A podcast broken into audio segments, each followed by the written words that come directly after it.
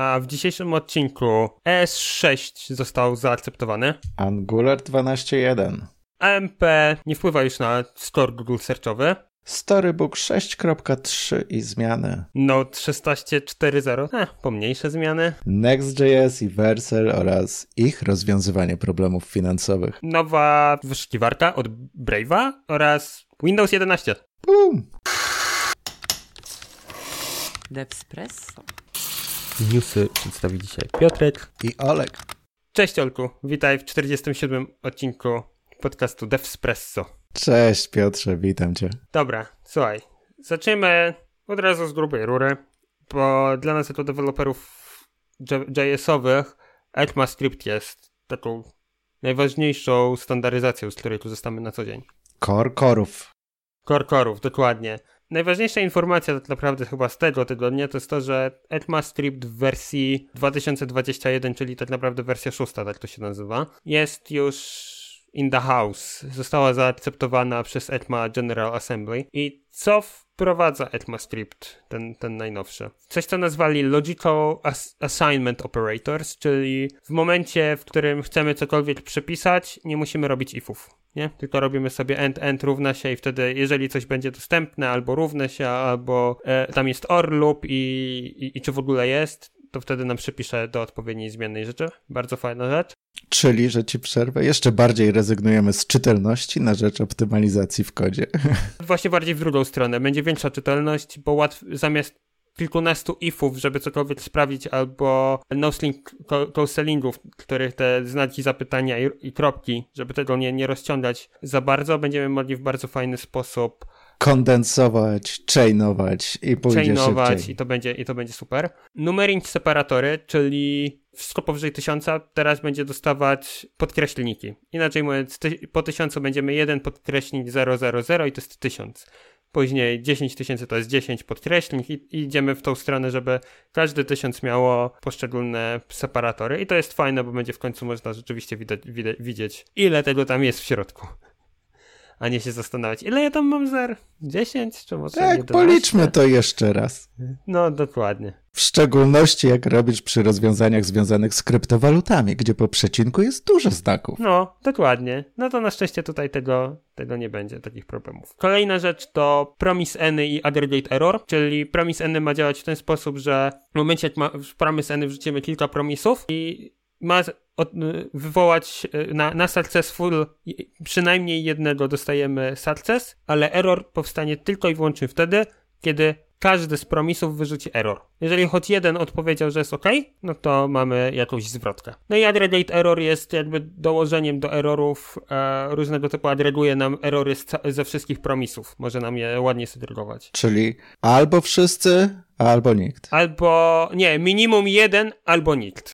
Minimum jeden, albo nikt. No fajnie, fajnie. Prototyp w stringu dla replace all, więc w końcu będzie replace all i nie będzie trzeba pisać własnych, własnych funkcji. Tak, tak, wspominaliśmy o tym parę odcinków temu, na to też czekałem. No, I weakrefy i finaliz finalization registry, więc te rzeczy też, też się przydadzą jak najbardziej. Fajnie, zawsze te, te zmiany w JS-ie, jak, jak wchodzą takie duże, jest no. miło. Jest miło, robi się interesująco, a z drugiej strony, niestety, jak idziesz na rozmowę rekrutacyjną, pojawiają się nowe pytania. No, niestety, niestety, ale trzeba być ciągle na bieżąco. Trzeba być ciągle na bieżąco. Cały czas to gonić. Dobrze, to ja ci powiem Angular.12.1, czyli minor zmiany się pojawiły i Aż ciężko o tym mówić, no. jak poczytałem, nawet jak zajrzysz na changelog, no, wymienili parę tych zmian. Jest interfejsy, wprowadzono interfejsy API, aby włączyć, tam jest opcja opt-out, aby włączyć prawidłowe działanie funkcji niszczenia testów się pojawiła i pojawiły się, roz... poprawiono kompilator dotyczący takich problemów, jak nieskończone interpolacje i przywracanie widoku. Weszły zmiany w service workerach, nazewnictwie, dostępach, czyszczeniu pamięci podręcznej i proszę każdemu czytać samemu, bo jak nie jesteś w Angularze i nie robisz w tym, to nawet ciężko powiedzieć, co się zmieniło. Odnoszę wrażenie, że to powinno być 12.0.1, ale z nomenklatury jest tak, że to jest 12.1. Odsyłam jednak do linku, bo już raz za Angulara czytałem pod naszym postem, że słabo to tłumaczę, nie chcę wchodzić głębiej. Tu trzeba być specjalistą Angulara. To prawda, to prawda. Z Angularem, Angular jest tak dużym frameworkiem już w tej chwili, że trzeba być bezpośrednio w środku i że zobaczyć te, te delikatne zmiany. Ale fajnie, że, że robią kolejne poprawki w performance'ach, poprawki w API, więc rozwijają ten framework jeszcze, jeszcze bardziej. Cieszymy się i wiemy, że to, to działa, wiemy, że jest możliwość, wiemy, że są projekty prowadzone cały czas w Angularze i jest bardzo wielu zwolenników, nie, nie kwestionujemy tego, ale te zmiany tutaj wydają mi się tak bardzo specyficzne już dla Angulara, że opowiadanie o tym dla mnie osobiście jako niesiedzącemu, niepracującemu obecnie na Angularze jest po prostu trudne. No. Dlatego, ale polecamy dokumentację, są linki zamieszczone pod filmem. Możecie się skierować, poczytać dla wszystkich robiących w Angularze, na pewno coś ciekawego się tak, znajdzie. Jesteśmy tutaj przy Angularze, czyli tak naprawdę przy Google. To Google ogłosił, że AMP, czyli Accelerated Mobile Pages, tak to się chyba nazywa, jak dobrze pamiętam. Chyba tak. To nie będzie, jeżeli strona ma AMP, to nie będzie już w tej chwili wpływać to na score w Google Searchu, czyli tak naprawdę w rankingach. Nie będzie to brane pod uwagę. Głównym faktorem będą Core Web Vitals i oni chcą jakby coraz bardziej iść w to, żeby Core Web Vitals było głównym opcją do sprawdzania rankingów. Oczywiście tam jeszcze Google Analytics, jakieś dodatkowe rzeczy. Ale co, co ciekawsze, Google ma cały rozpisany rollout, bo on się ma odbyć, tak naprawdę jesteśmy w jego trakcie, bo on się zaczął, zdaje się, jak dobrze pamiętam, 17 tak, tak, 17 czerwca, a ma się skończyć z końcem, z końcem sierpnia. Jesteśmy właśnie w jego trakcie. Koncept wygląda tak, że przede wszystkim, jeżeli ktoś ma stronę na AMP, to wcześniej taka strona była miała, miała taki badge z boku w rankingu w searchu, no to on zniknie. Nie będzie, nie będzie go. E, kolejna rzecz jest taka, że w tej chwili dodatkowe opcje typu Top Stories w e, Google, e, w Google Searchu, czy, czy też na Androidzie, czy też pojawienie się w Google Newsach nie będzie wymogu, jakby żeby strona była w AMP. Wcześniej to taki był wymóg, w tej chwili już, już tego wymogu nie będzie. Co więcej, Google wymyślił, że oczekują od stron, że będą korzystać z HTTPS-a, będą mobile friendly i tak dalej, i tak czyli tak naprawdę nie będą AMP, ale będą już przygotowane pod to, żeby być właśnie bardziej user-friendly na, na mobilu. Z czym wciąż warto pamiętać, że Tor Web Vitals jest najważniejszym faktorem w rankingu i tak naprawdę chyba coraz bardziej będzie ciśnięty ten, ten temat, więc warto, żebyście wasze strony i aplikacje pisali jak najbardziej, w jak najbardziej performance sposób i korzystali z tych Core Web Vitals, żeby sprawdzać, czy coś jest niehalo. Nie? To, to tak jak zaczęliśmy jeszcze przed nagraniem. Google bardzo dużo z racji swojego zakresu z, i zainteresowań poświęca uwagi na te rozwiązania internetowe i tutaj wydaje mi się, że dobrze, że idziemy w tą stronę, a nie jakiegoś twardego znowu rozwiązania, że wszyscy teraz przerzucimy się na to i na to. No. Jest to to tutaj rozsądniej. Tutaj rozsądniej podeszli. Prezentują swoje podejście. To prawda, tak. to prawda. Tak. Cieszy mnie to bardzo, bo, bo ja fanem AMP nigdy, nigdy nie byłem. Nie będzie ode mnie wymagane, żeby jakaś strona działała na AMP, żeby być w Google News, czy, czy po prostu w rankingu być wyżej. To jest super. I łatwiej będzie tłumaczyć klientom, że nie potrzebujemy tego. Nie, nie, niekoniecznie. niekoniecznie. Dokładnie. Niekoniecznie. Storybook 6.3. Weszło trochę nowych narzędzi. Nowe narzędzia do debugowania CSS styli, jak Measure, Outline, jak Viewport, jak Toolbars. Usprawiedliwili sposób ponownego wykorzystania w historii w pakietach React i Vue, ale co ciekawsze, weszło wsparcie dla Angulara 12. Webpack 5 definitywnie jest wspierany. To wszyscy obecnie chyba z tym Webpackiem 5 po kolei informują, że się adaptują, jest wspierany. Kolej koledzy ze Storybooka już w wersji 6.2 powiedzieli, że jest experimental, a 6.3 udało się wprowadzić i od siódemki piątka Webpack będzie oficjalnie domyślnym rozwiązaniem. Także tu są kolejne zmiany. Dodatkowo wsparcie dla Angulara 12 i eksperymentalne wsparcie dla renderów Ivy, o ile dobrze zrozumiałem z dokumentacji, co też się wiąże ze zmianami Angulara 12, o których opowiadaliśmy i ich zmianie modelu dla całego rendera. Tutaj warto też wspomnieć o tym, że Storybook będzie wspierał jeden jeszcze dodatkowy builder, który się nazywa VET, White, VET chyba, jak się to czyta.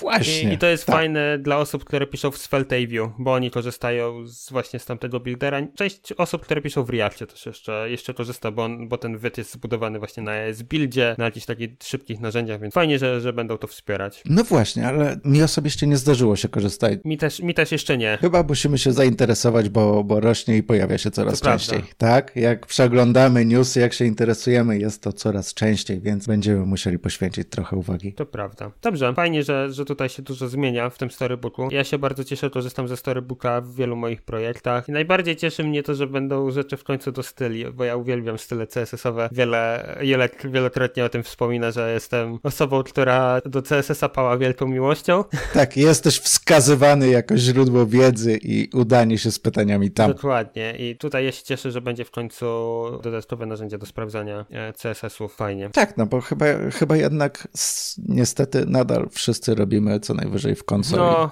I tam nadal jak poganie korzystamy z debugera konsolowego zamiast iść chociaż odrobinę Przodu, do przodu dokładnie. z CSS-em. No, na szczęście to się zmienia. Dobrze. Note 16.4.0 to jest jedna z ciekawszych zmian, bo jest niewielka, paradoksalnie. I oni sami w, w swoim changelogu i w blogowym poście piszą, nie, wiecie, to jest taki tam major, taki tam, tak naprawdę to bardziej minor, ale major. No worries, jakby nie musicie się za bardzo przejmować, bo to, co dodali, to Async Local Storage jest w tej chwili bardziej stabilnym API. Jej, fajnie. Woohoo! I tak naprawdę podbili dependencję NPM-a do 17.18.1, podbili V8, tak naprawdę zmienili część flagi DNS Result Order w DNS-ach. Tak naprawdę no bardzo malutkie, niewiele zmieniające, ale jeżeli ktoś korzysta teraz z najnowszych wersji Node'a, a na pewno korzystacie jak macie MacBooka z M1, więc warto się, po, warto się podbić teraz do 16.4.0. Przepraszam.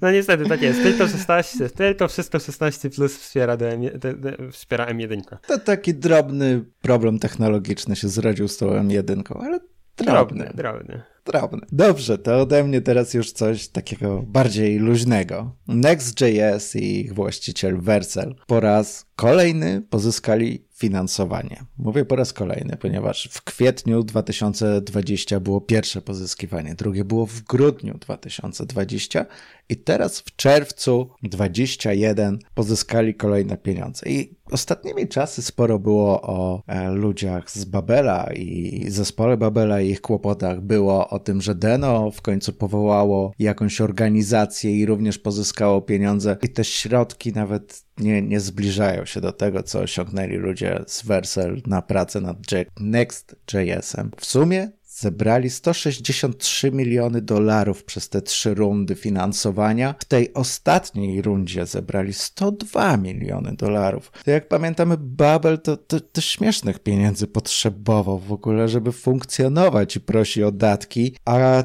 tutaj koledzy przy Next.jsie wygląda, że, że pływają w pieniądzach. I prowadziliśmy rozmowę, skąd się to bierze i sami jako Versel trochę podają danych, co się dzieje z ich całą aplikacją i jak się zmienia rynek i mają 50% wzrost liczby pobrań na NPM. Z 4,1 miliona do 6,2 miliona. Nie było mowy tam o jaki, w jakim czasie, ale wzrosło im istotnie ilość pobrań, więc zainteresowanie jest, zakładanie się, przekłada się to na zainteresowanie i wszyscy rozumieją to, że jako taki wzrost to znaczy, że więcej osób w tym robi, więc będzie jeszcze lepiej. Dodatkowo potroili bazę klientów korporacyjnych. W, w sensie, ja rozumiem, że od grudnia to są dane od drugiej rundy finansowania, to są zmiany, bo wow, no po prostu wow, rosną, rozwijają się i wy, wygląda, że z tym budżetem będą mieli jeszcze chwilę, żeby to robić. Tak, tak, oni tam nawet e, na jakimś oddzielnym mm, wpisie blogowym gość, który założył Wercel, e, z tego co pamiętam on się nazywa chyba Guillermo Rau, on tam opowiadał, że właśnie dostali no całkiem niezłą pokaźną sumę pieniędzy. Będą chcieli ją wykorzystać na to, żeby na przykład poprawić bardziej developer experience i user experience w samym Nextie. Będą chcieli na przykład zrobić coś, co nazwali Next Analytics, czyli właściwie analizy całych aplikacji i nie tylko będą chcieli zrobić coś ala Google Analytics w przyszłości. No, zmierzają. Zmierzają do tego, żeby być bardziej platformą z frameworkiem, z narzędziami do tego, żeby tworzyć aplikacje webowe i, i też częściowo e, progressive web appy, no za pomocą ich narzędzi po prostu. I, i tyle. Wręcz może do pewnego ekosystemu tak, z swoich rozwiązań, no bo jak, jak czytałem te ich artykuły, no to i spory nacisk kładą na rozwiązania chmurowe i optymalizację, no z samego założenia Next i swojej konstrukcji. To, o to chodzi, tak, żeby optymalizować i lepiej, żeby wszystko nam działało, lepiej było serwowane, lepiej było przygotowane dla klienta, czyli w sumie też to, co chwilę wcześniej za MP wspominałeś, żeby poprawiał się i performance, co będzie lepsze dla wujka Google'a i, i lepiej zobrazowane. Także tak, tak, i, i mają na to budżet. No. Tak, tak. Ja się cieszę, bo to zostałem z Nexta na co dzień. Niech rozwijają dalej. Będę miał kolejne, kolejne mm, elementy do nauki tak naprawdę na przyszłość. Tak, będzie więcej, więcej, więcej. Ale, ale zawsze fajnie jest, jak są nowe możliwości i choćby nie musisz z nich korzystać, ale że są te możliwości. Do, dokładnie. Tak? Nie, nie żeby się zamykało. Tak. A jak mówimy o możliwościach, to nie wiem, czy wiesz, jest teraz możliwość, żeby nie korzystać z wyszukiwarki Google'a. Co więcej, nie musisz nawet korzystać z DuckDuckGo. I to jest ciekawe. I nie mówię to, żeby... Co mi zostaje? no właśnie, niektórzy pomyślą, e, Bing, Yahoo. Nie, jest teraz w becie coś, co się nazywa Brave Search. I to jest wyszukiwarka internetowa od zespołu, który stworzył przeglądarkę Brave. I to jest o tyle ciekawe, okay. że dostali na to delikatnie, delikatne finansowanie. Ich założeniem, jeżeli chodzi o, o searcha, to jest to, że ma być super private, czytaj prawie jak w DuckDuckGo, e, ma być user first, czyli nie ma być żadnych reklam, ma być totalnie independent, czyli mają mieć własny indeks, który jest zbudowany co ciekawe, na innych indeksach, bo mają jakby zbudować swój indeks na podstawie indeksu Google'a, Binga e, i tak dalej. E, do tego przyszłości... Taki cross-platform taki indeks, cross tak? Będą zbierali w, w oparciu o cudze, o cudze dane. dane. dokładnie. E, co ciekawe, w przyszłości mają pozwolić na to, że ten search będzie albo ad-supported, w sensie nie, na razie mówią o tym, że nie chcą reklam, ale mówią o tym, że być może te reklamy będą musiały się pojawić, żeby opłacić po prostu rozwiązanie, przy czym chcą dać możliwość osobom, które nie chcą mieć reklam, zapłaty za to, żeby tych reklam nie było. I myślą o tym, zastanawiają się. Czyli w, oni tak naprawdę najbardziej dążą z całego rynku do odwrócenia tej, tej zasady, że nie reklamowa- reklamodawca płaci za wciskanie nam, tylko ty jako użytkownik możesz się od tego uwolnić poprzez swoją drobną opłatę. Dokładnie. Tak? A, Są najbliżej tego rozwiązania. A gdzieś czuję, że Brave ze swoją kryptowalutą, która się tam chyba nazywa coś na V, ja już nie pamiętam. Oj, nie, oni nie, nie licz na mnie, wiem, że ma, mają. Mają, tak. mają własną kryptowalutę i coś czuję, że oni będą e, szli w to, żeby na przykład op opłacić sobie taki dostęp za pomocą ich kryptowaluty, wtedy, wtedy będzie wygodne. Generalizując, powiedziałbym, że fajnie patrzy się na rozwiązania od Brave i ich zespołu, tak? Mają trochę inne podejście od całego rynku, albo próbują zmieniać podejście rynku i fajnie się to rozwija i ciekawe, co będzie dalej. Tak, jestem, jestem bardzo ciekawy, ja zacząłem korzystać, podpiąłem sobie Brave, Brave'a u mnie w Edu jako główna, główna wyszukiwarka. E, jedyna rzecz, o której musiałem pamiętać, to to, żeby dodać odpowiedni parametr na samym końcu, bo jeżeli jesteśmy w Polsce, to raczej byśmy chcieli wyszukiwać dane dla Polski, czyli tak zwany local search a nie, a nie global search, więc trzeba dodać tam parametr odpowiedni. Ale wyniki, mam nadzieję, nie rozczarowują cię Właśnie ani trochę. Jestem, jestem pod wrażeniem, jak dobrze to działa. Jest, jest całkiem nieźle, a jest to dopiero beta, więc polecam sobie sprawdzić. No właśnie, czyli jesteś już na etapie, że polecam. Jestem na, na tak? etapie, że okay. polecam. To chciałem usłyszeć, czy, czy od ciebie dostanę, że polecam. Super. To może, może i ja się skuszę.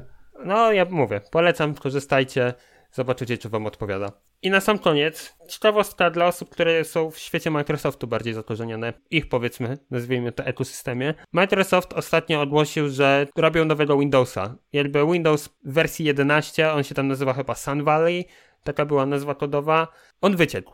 Więc jak już wyciekł i Microsoft próbował się odcinać, że nie, tutaj nie ściągajcie, próbował usuwać w ogóle wszystkie możliwości, żeby do tego dojść, no ale w końcu musieli pokazać, więc stworzyli oddzielną konferencję, na której po prostu pokazali całego nowego Windowsa i Windows 11 tak będzie i będzie, co ciekawe, free update'em, dostępnym najprawdopodobniej z końcem tego roku. Co się w nim zmienia? Będzie nowy UI, w sensie będzie wyglądał zupełnie inaczej. Jeżeli jesteście przyzwyczajeni do swojego taskbara na dole, że wasz window, e, Windows icon, czyli ta ikonka Windowsa, start menu jest totalnie po lewej stronie, to już nie jest.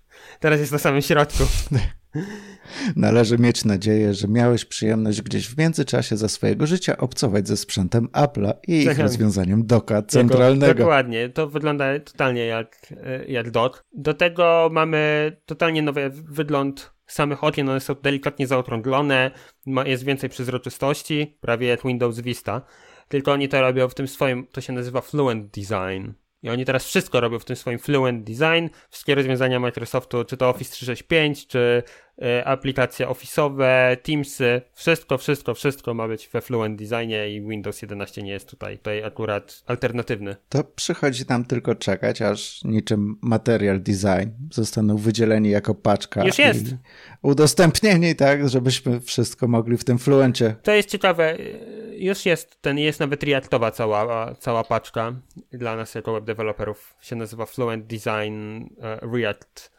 Uh, po prostu chyba Fluent Super. To, to z racji braku zainteresowania przyznaję się, że nie miałem pojęcia. No dzięki, zawsze się człowiek czegoś dowie. Dokładnie, więc tak. E, przy Windowsie 11 jeszcze kolejne ciekawe rzeczy. Nowy Microsoft Store. Jeżeli korzystaliście z Microsoft Store'a, to teraz ma być lepszy. W tej chwili jest beznadziejny.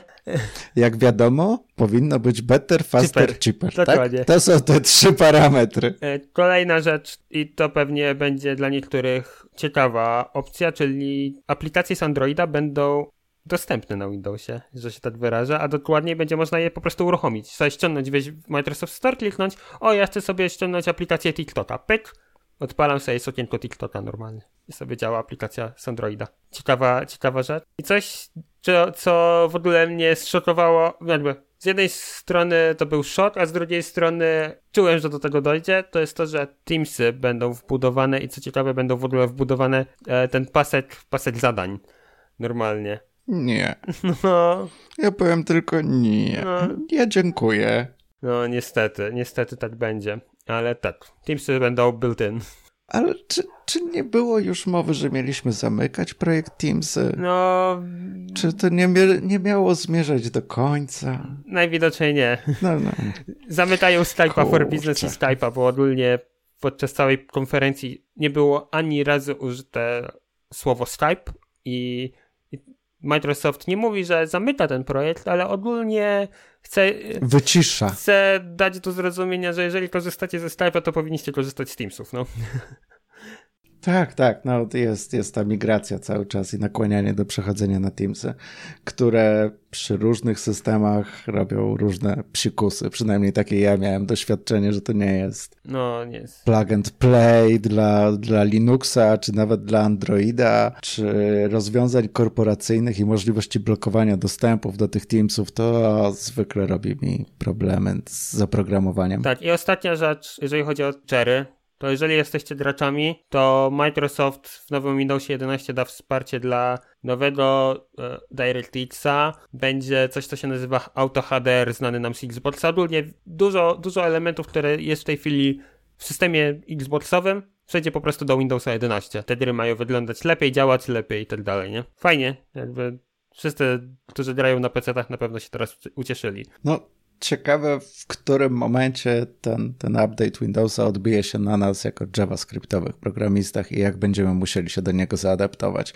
Bo to, że Edge'a mamy już na silniku V8 jest, jest pewną przyjemnością, to, że wygasiliśmy Internet Explorer jest kolejną przyjemnością. A co teraz wyjdzie? Zobaczymy, co dalej. Co będzie dalej? Żeby dać wam szybki, szybką informację, bo już się zaczęły ciekawe badania na temat tego, jaki komputer może się zaktualizować, żeby korzystać z Windowsa 11. Więc musicie mieć tak, minimum dwa rdzenie, po 1 GHz każdy, to jest minimum. I musi być on 64-bitowy, ewentualnie tak zwany system on chip, czyli SoC, patrz, a, każdy ARM. Musicie mieć 4 GB RAMu minimum. I uwaga, i to jest ważne, chyba najgorsza rzecz. Clue. Na dysku musicie mieć wolne minimum 64 GB lub więcej, ale trzeba mieć minimum 64, bo inaczej nie zainstalujecie e, Windowsa 11. Wspiera oczywiście UEFI Secure Boota, e, nową wersję Trusted Platform Module, kart graficznych to tam jest Direct, musi wspierać DirectX 12. Tak naprawdę na tym się kończy, bo display musi być tam 720p minimum e, i chyba, o i to jest jeszcze jedna ważna rzecz ciekawa, że jak będziecie chcieli zainstalować Windowsa 11, musicie być podpięci pod internet. A dlaczego? Bo w momencie, jak już się zainstaluje i mamy cały complete, complete installation zrobiony, to czeka nasz setup. A setup niestety nowego Windowsa ma polegać na tym, że będzie wymaganie korzystania z konta Microsoftu lub też Office 365 w przypadku narzędzi korporacyjnych. Nie? No tak, tak, czyli przewiązania użytkownika przynajmniej przez maila bądź, bądź nazwę. No. Dla korporacji pewnie będzie wygodniej, jak powiążesz to z domenami i weryfikacją domenową, a, a jak konsument zwykły? Zobaczymy. Zobaczymy, dokładnie. Będzie musiał się adaptować, tak? Bo jednak raczej nikogo nie pytają. Raczej nie. Raczej tutaj będę. raczej, raczej jest powiedziane po prostu wprost. Chcecie korzystać, to proszę bardzo, musicie mieć konto Microsoftu, bo ono jest wymagane do tak naprawdę wszystkiego. Głównie chodzi pewnie o Teamsy, ale wiecie. Albo płatności w storze. Albo płatności w storze, dokładnie. Dobra, ja nic od siebie więcej nie mam. No ja ode mnie również to wszystko. Dobra, to zapraszam was wszystkich do subskrypcji, do lajkowania, do komentowania, do tego, żebyście byli u nas na Discordzie. E, mam nadzieję, że link będzie gdzieś w opisie. No i do zobaczenia następnym razem, ale tutaj na małe, małe ogłoszenie parafialne. DevSpresso przechodzi w tryb wakacyjny i w trybie wakacyjnym będziemy nagrywać co dwa tygodnie, więc będziemy się słyszeć w tej chwili co dwa tygodnie, a nie co tydzień. Mamy nadzieję, że my trochę odsapniemy w trakcie tych wakacji i będziemy mieć jeszcze więcej energii i znajdziemy więcej, więcej fajnych informacji dla Was. Dobra, trzymajcie się. Hej. Dzięki wielkie, hej.